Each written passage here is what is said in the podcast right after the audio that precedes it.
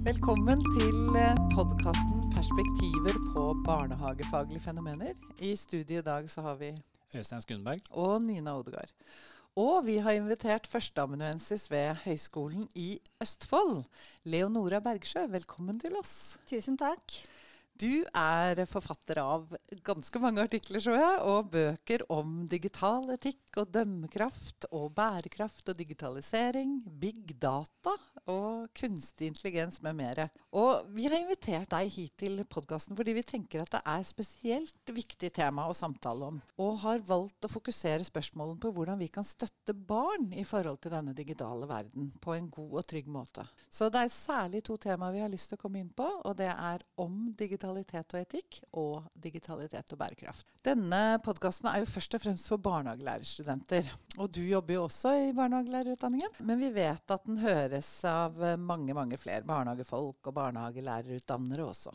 Men hva er det du tenker at spesielt studenter da, bør kjenne til for at vi skal kunne støtte barn i den digitale verden på en god og trygg måte? Ja, Det er et veldig godt spørsmål. og Det første jeg vil si til det, er at det å ta dette med de digitale verktøyene som et nytt pedagogisk verktøy på alvor. Altså Det er noe vi må lære, det er noe vi må øve, og det er noe vi må diskutere med kollegaer, foreldre. For her har vi fått et verktøy som er kommet for å bli, og som vi faktisk må lære oss hvordan kan vi bruke det sammen med barn for at de skal bli gode og trygge digitale brukere i fremtiden. Mm. Og det vet vi at de vil trenge. Mer og mer blir digitalisert. Kontakt mellom borger og, og myndigheter. ikke sant? Altså For å kunne være med i demokratisk samfunn, så må de kunne dette. Og, og dette starter i barnehagen. I innledningen til boka 'Barn og unges digitale dømmekraft' står det at det viktigste er å forstå mer av barns digitale verden. Både det som er kreativt, det som er nyttig og det som er hyggelig. Men også det som er utfordrende og vanskelig. Hva er det vi trenger å forstå om barnehagebarns digitale verden? Jo, de jo, eh, har jo det digitale som en integrert del av sin barndom.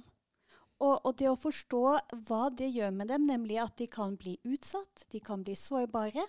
At vi sørger for at de kan være trygge i den digitale verden, og, og lære å bruke den på en trygg måte, det er kjempeviktig. Mm. Og her tenker jeg at vi voksne har også noe å lære. Vi må selv øve.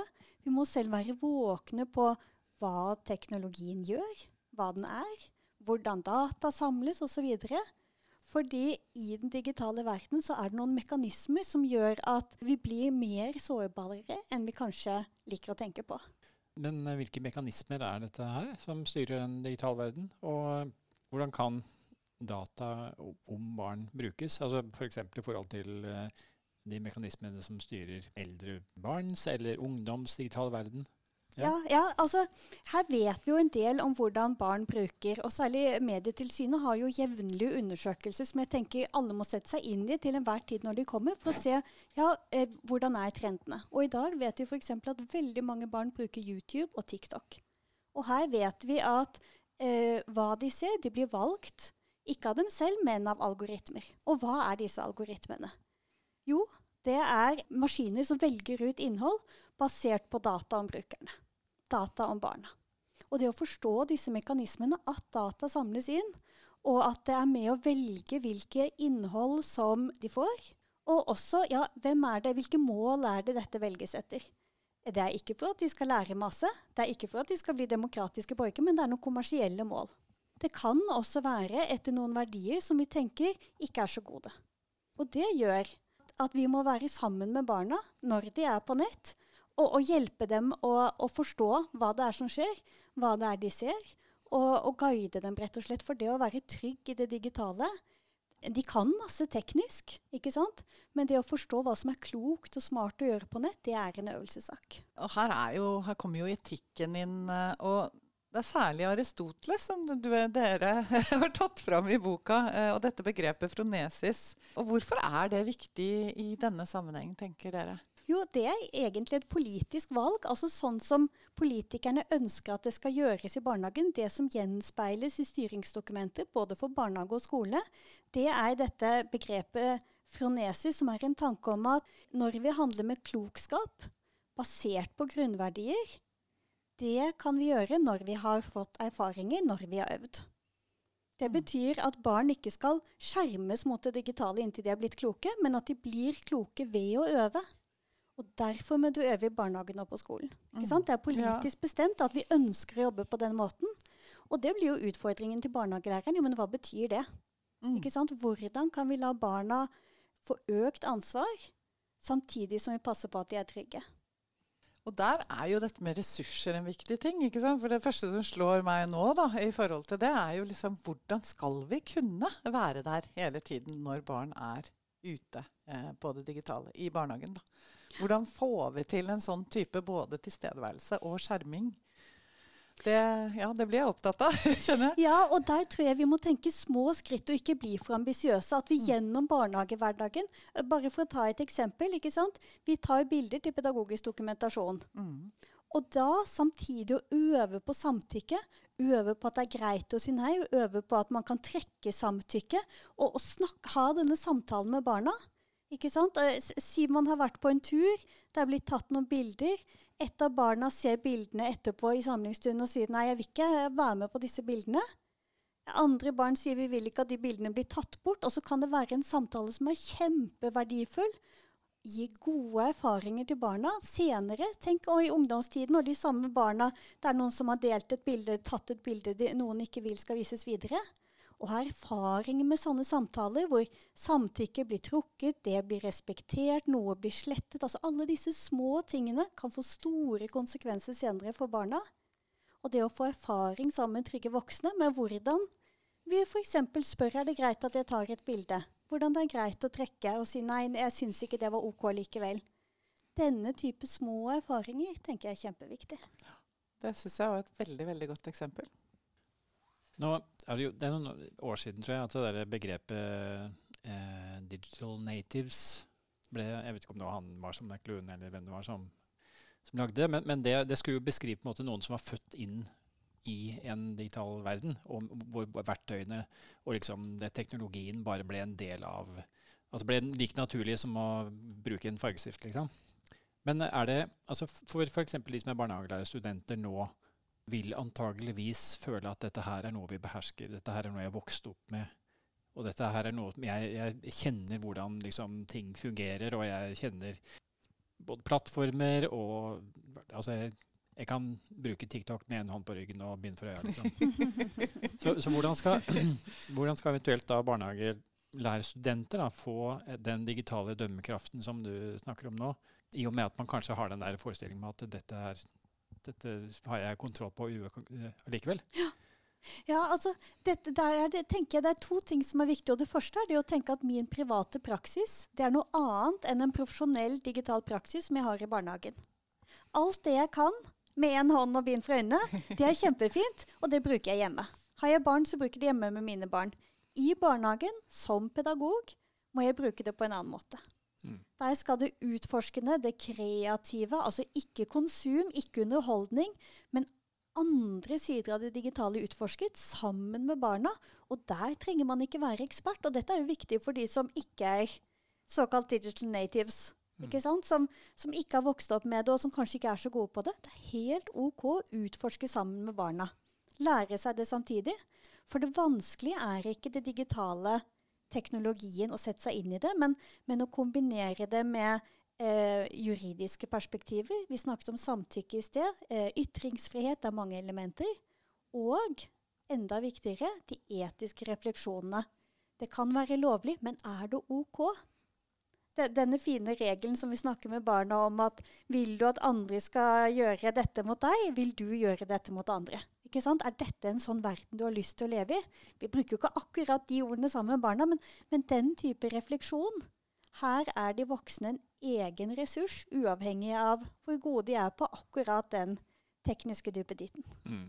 Ja, for det, noe forandrer seg veldig fort. Så det du snakker om, det er på en måte litt prinsipper som uansett om man ikke eh, altså, Det er utrolig hvor, hvor fort veldig populære eksempel apper og programmer blir upopulære. Hvis man ser på en, eh, en eller annen YouTube-video fra 2014 som ikke føles for lenge siden, så snakker de om eh, Vine og Live eh, Journal og sånt som jeg husker ikke hva det var engang. Ja. Ja, og eh, ikke bare teknologien endrer seg, men vår vilje til å ta i bruk ny teknologi er jo utrolig sterk. Altså Bare se nå under pandemien for en hastedigitalisering. Til dels ganske hodeløs. ikke sant? Vi har tatt i bruk masse ny teknologi. Vi vet ikke om det engang er lovlig. Og vi har ikke tenkt på hva det gjør med oss som individer og samfunn over tid. Mm. Så det vi prøver å gjøre med etisk refleksjon, er jo å stoppe litt opp og se ja, men hva gjør det med oss? Hva gjør det med oss eh, hvis vi velger å dele altså, disse bildene av barna? Hva gjør det med dem over tid? Vi vet ikke svarene, men vi må stille spørsmålene og tørre å, å, å, å la det få konsekvenser for hva vi gjør. Selv om det er litt ubehagelig. Du nevner jo spesielt dette med samarbeid og dialog med, med foresatte som spesielt viktig i forhold til digital dømmekraft. Og har du noen eksempler på hvordan det kan gjøres? Absolutt. Og her tenker jeg det er forskjellig hvilke inngang de foresatte har. Du har den eh, teknologskeptikeren. ikke sant? Kanskje bestemoren som kommer og henter og ser barna holde på med noe og tenker hva er det de driver med? Dette gjør de hele dagen hjemme. Hvorfor skal de gjøre det i barnehagen òg? Ikke sant? Så vi trenger den pedagogiske samtalen om hvordan jobber vi med det i en profesjonell digital praksis. Og så har du kanskje de liberale, som deler masse bilder av barna sine på nett til enhver tid, og kanskje krever at barnehagen også skal dele masse. Så, som trenger den bevisstgjøringssamtalen. Og her er jo foreldremøtet et veldig godt sted. Eh, snakke om digital etikk, presentere det. Og når jeg snakker om digital etikk, så mener jeg det å tørre å si hva er teknologien? Diskutere hvilke konsekvenser kan det ha at vi bruker det? Og hvordan vil vi bruke det? Og si litt om dette, og så kanskje ha noen grupper hvor foreldrene får diskutere. Og her er det viktig at det ikke skal være en sånn utlevering av hva vi gjør, gjør vi hjemme. For det er jo ikke alle som har lyst til å snakke om. Og her er det jo mange av oss som har noen nødløsninger som vi ikke gjør fordi det er så pedagogisk riktig. ikke sant? Men, men bare snakke om beste praksis. Snakke om hvordan man kan bruke verktøy kreativt, utforskende, sammen med barna, undrende. Disse, disse, verdiene vi ønsker å fremme. Og kanskje da inspirere foreldrene til å være med i en sånn samtale og se at jo, det de får til i barnehagen, det er bra. Og, og kanskje kan vi gjøre litt av det hjemme, eller i hvert fall støtte opp om den praksisen. Kanskje se at de bruker mye til pedagogisk dokumentasjon som ikke de deler med oss foreldre, f.eks. Mm det der Begrepet algoritmer er jo noe som eh, vi, de fleste har hørt og har en sånn der vag forestilling om hva det er. At det er noe som, som, Facebook eller Google gjør bak vår rygg, nærmest.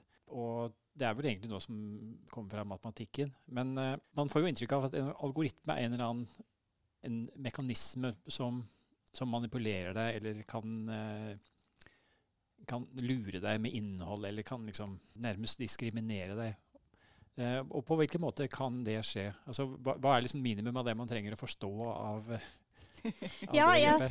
Eh, det med digital manipulasjon skal vi snakke mer om, men jeg har lyst til å kommentere først på dette med algoritme. Mm. Eh, jeg syns det letteste bildet på det er en kokebokoppskrift eller en strikkeoppskrift. Altså det er en oppskrift for å nå et mål. Så enkelt. Ulempen eller utfordringen med algoritmene, f.eks. til Facebook, er at vi vet ikke hvilke mål de vil nå.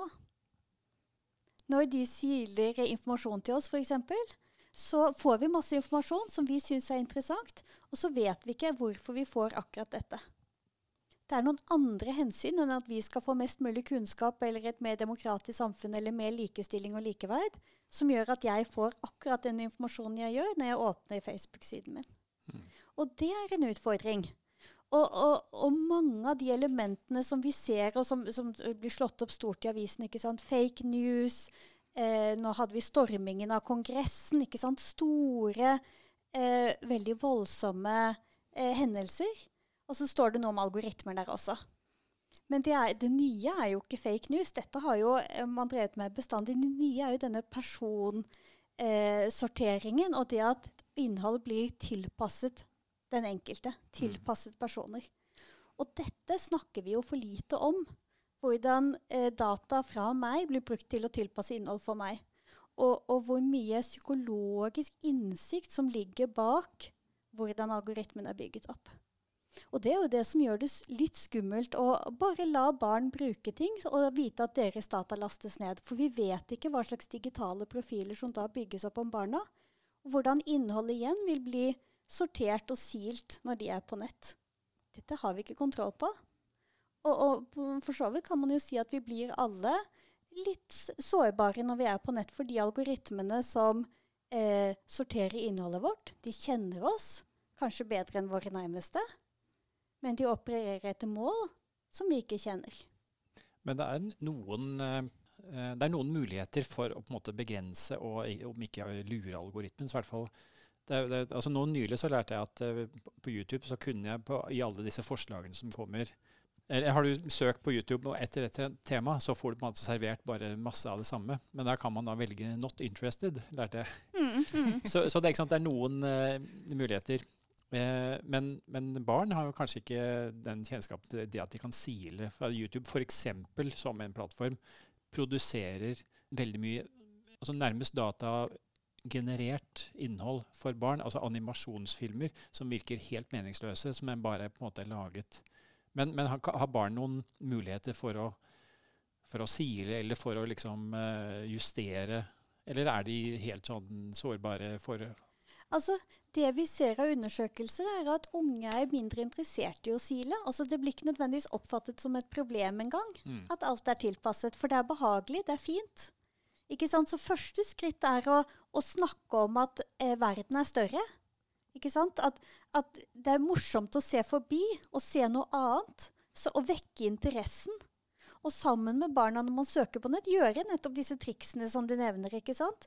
Eh, ikke ta det som er på den første siden Google viser i nettsøket. Gå til neste side. Ha noen sånne små praksiser hvor man får vist at jeg bruker min egen kritiske sans. Jeg bruker kritisk tenkning. Jeg sorterer kilder. Jeg lar ikke bare algoritmene bestemme for meg. Mm. Det kan du også gjøre. ikke sant? Være gode forbilder. Det står jo også i styringsdokumentene at vi skal være. Praktisere digital dømmekraft. Og da tenker jeg det er akkurat disse små praksisene, å vise at vi selv velger å sile eller ta, ta litt mer kontroll på innholdet. Mm. For når, de, når, disse barna da kommer i uh, ungdomsskolen f.eks., så skal de skrive oppgaver, og så skal de bruke uh, nett til å samle stoff. Og så viser det seg at de uh, evnen til kildekritikk er lav eller, eller fraværende. Mm. Så man, men det kan man altså begynne med veldig tidlig. Absolutt. Og, og, det er jo ofte at man har lyst til å finne ut noe mer om et emne. Kanskje barna tar initiativ til et eller annet ikke sant? i naturen eller noe. Så er man og søker sammen med dem på nett. Kjempegod anledning til å, til å snakke om det med kildekritikk. Og se her, ikke sant. Ja, nei, det som kommer opp først er reklame, og så går vi nedover og ser om vi finner noe. Ikke? sant? Altså bare snakke seg gjennom og lære dem å tenke. Og så lære dem å tenke etikk sammen med det digitale. Vi vet jo at det er lettere å mobbe på nett når man ikke ser den andres ansikt. Og det å ha det som en helt naturlig ting å snakke om etikk på digitale medier, tror jeg er en sånn viktig vane å få inn. At det digitale er ikke et rom hvor andre regler gjelder. Mm. Det kan vi jo vite og si og være enige om, og sånn, men at barna får erfare det, mm. er kjempeviktig. Og Det du er inne på nå, eller det dere er inne på nå, har jo litt med dette som rammeplanen skriver om. Dette med at barn skal utvikle en etisk forståelse, og at vi har ansvar for det, vi mm. i barnehagen. At de skal ha en begynnende etisk forståelse. Jeg tenkte på, Du nevnte at du ville komme tilbake til digital manipulasjon. Eh, og, og, så kom jeg på et eksempel, for vi har jo møtt hverandre før. Og da nevnte du akkurat denne smitteappen. Husker du det eksempelet? Kunne du tenke deg å si hva du reagerte på med denne veldig hastereaksjonen der? Hvor vi plutselig bare får en smitteapp, og så skjer det masse rundt det. Ja, eh, det er, det er, et veldig godt eksempel. Jeg er glad du minner på det med manipulasjon. For det er grensen mellom hva som designes som er OK at sorteres, og hva som blir manipulerende, den er jo ikke så lett å se. Og det vi vet, er at de eh, aktørene bak sosiale medier f.eks. er blitt flinkere og flinkere til å bruke psykologi for å lage god design som gjør at det blir lett for brukeren å gjøre det de vil og, og eh, vanskeligere å velge det som er godt for meg som bruker. F.eks. Eh, ser man det i samtykke. Det er utrolig lett å trykke ja når det blir spurt om å samtykke. Det er vanskeligere å trykke nei. Dette kjenner dere igjen i. ikke sant? Mm. Og her ser man at man kaller det til med manipulerende design, eller dark patterns. De finner måter for å omgå regelverk og, og krav om samtykke som gjør det lett for oss å gi fra oss mye informasjon Og bli manipulert rett og slett i den digitale verden. Og dette er også noe vi må snakke om med barn. Når vi slår opp en side og det kommer et samtykke, snakke om hva det er. Ikke bare trykke ja sånn at vi kan få se det vi skal. Men gjennom små digitale praksiser være gode forbilder. Og så ta den runden med etisk refleksjon. Ja, hva skjer hvis jeg trykker her? Har det noen konsekvenser for meg eller deg? Hva slags eh, konsekvenser kan det ha? ja, eh, det er jo ikke så lett å si. Nei, og det er jo derfor det er så viktig. Mm. Vi vet ikke hvordan det vil være for disse barna om 5 og 15 år. Ikke sant? Hvilke verktøy som vil kunne finnes, om det vil få lov til å ha større konsekvenser enn det har i dag. I Norge og Europa har vi gode lovverk. Men og det er poenget som jeg hadde lyst til å hente opp fra, fra smittesporingsappen. Mm. For noe av det vi ser der, er jo at eh, det ble lansert smittesporing, digital smittesporing over hele verden, bl.a. i Kina. Og folk i Norge ristet på hodet over dette forferdelige overvåkningssamfunnet. Og dette var i februar 2020. Og allerede i april hadde vi en egen norskutviklet digital smittesporingsløsning som f.eks. av Amnesty International, ble kåret til verre enn Kinas. Faktisk en av de aller verste verden på personvern. Ikke sant? Og da, Det er jo et eksempel ikke bare på at vår vilje til å ta i bruk ny teknologi endres, men også hvor fort det går i forhold til hvordan lovverket fungerer. Appen ble jo stoppet av Datatilsynet i juni, ikke sant? så det var jo ikke lang tid. Men likevel hadde myndighetene lansert et verktøy som, som antagelig ikke var innenfor lovverket og bedt oss om å bruke det. Mm. Og det vi ser, er jo at teknologien utvikler seg så raskt at lovverket eller anvendelse av loven ikke henger med. Og derfor blir jo den etiske refleksjonen så utrolig viktig. Vi vet ikke engang om det er lovlig, så vi må finne ut er det OK. Og det kan vi altså det kan vi jo ikke forvente at barna gjør, men vi kan være gode forbilder og ta de diskusjonene mens de hører på. Det er jo en annen side av det å jobbe med digitalitet som jeg er veldig opptatt av, og som jeg vet eh, vi også snakket om før. Og det er dette her med det enorme eh, bruken av strøm og lagringskapasitet som, som, trengs i forhold til å kunne rett og slett, hva kan man si, underholde et så sterkt eh, digitalt samfunn som vi lever i i dag. Da. Og strøm er jo en ressurs eh, som vi har mangel på, som vi trenger mer av. Og hva er viktig å forstå når det gjelder akkurat dette i forhold til digitalitet og bærekraft? Og, og er det noe vi kan gjøre? Og hvordan kan vi være gode rollemodeller i forhold til barn i forhold til dette eh, ja, energibruket? Eh, eller energisløseriet, kan man også si.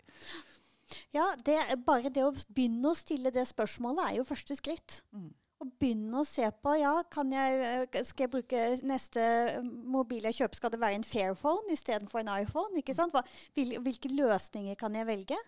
Men også igjen i de små praksisene sammen med barna. F.eks. hvor mange bilder lagrer vi?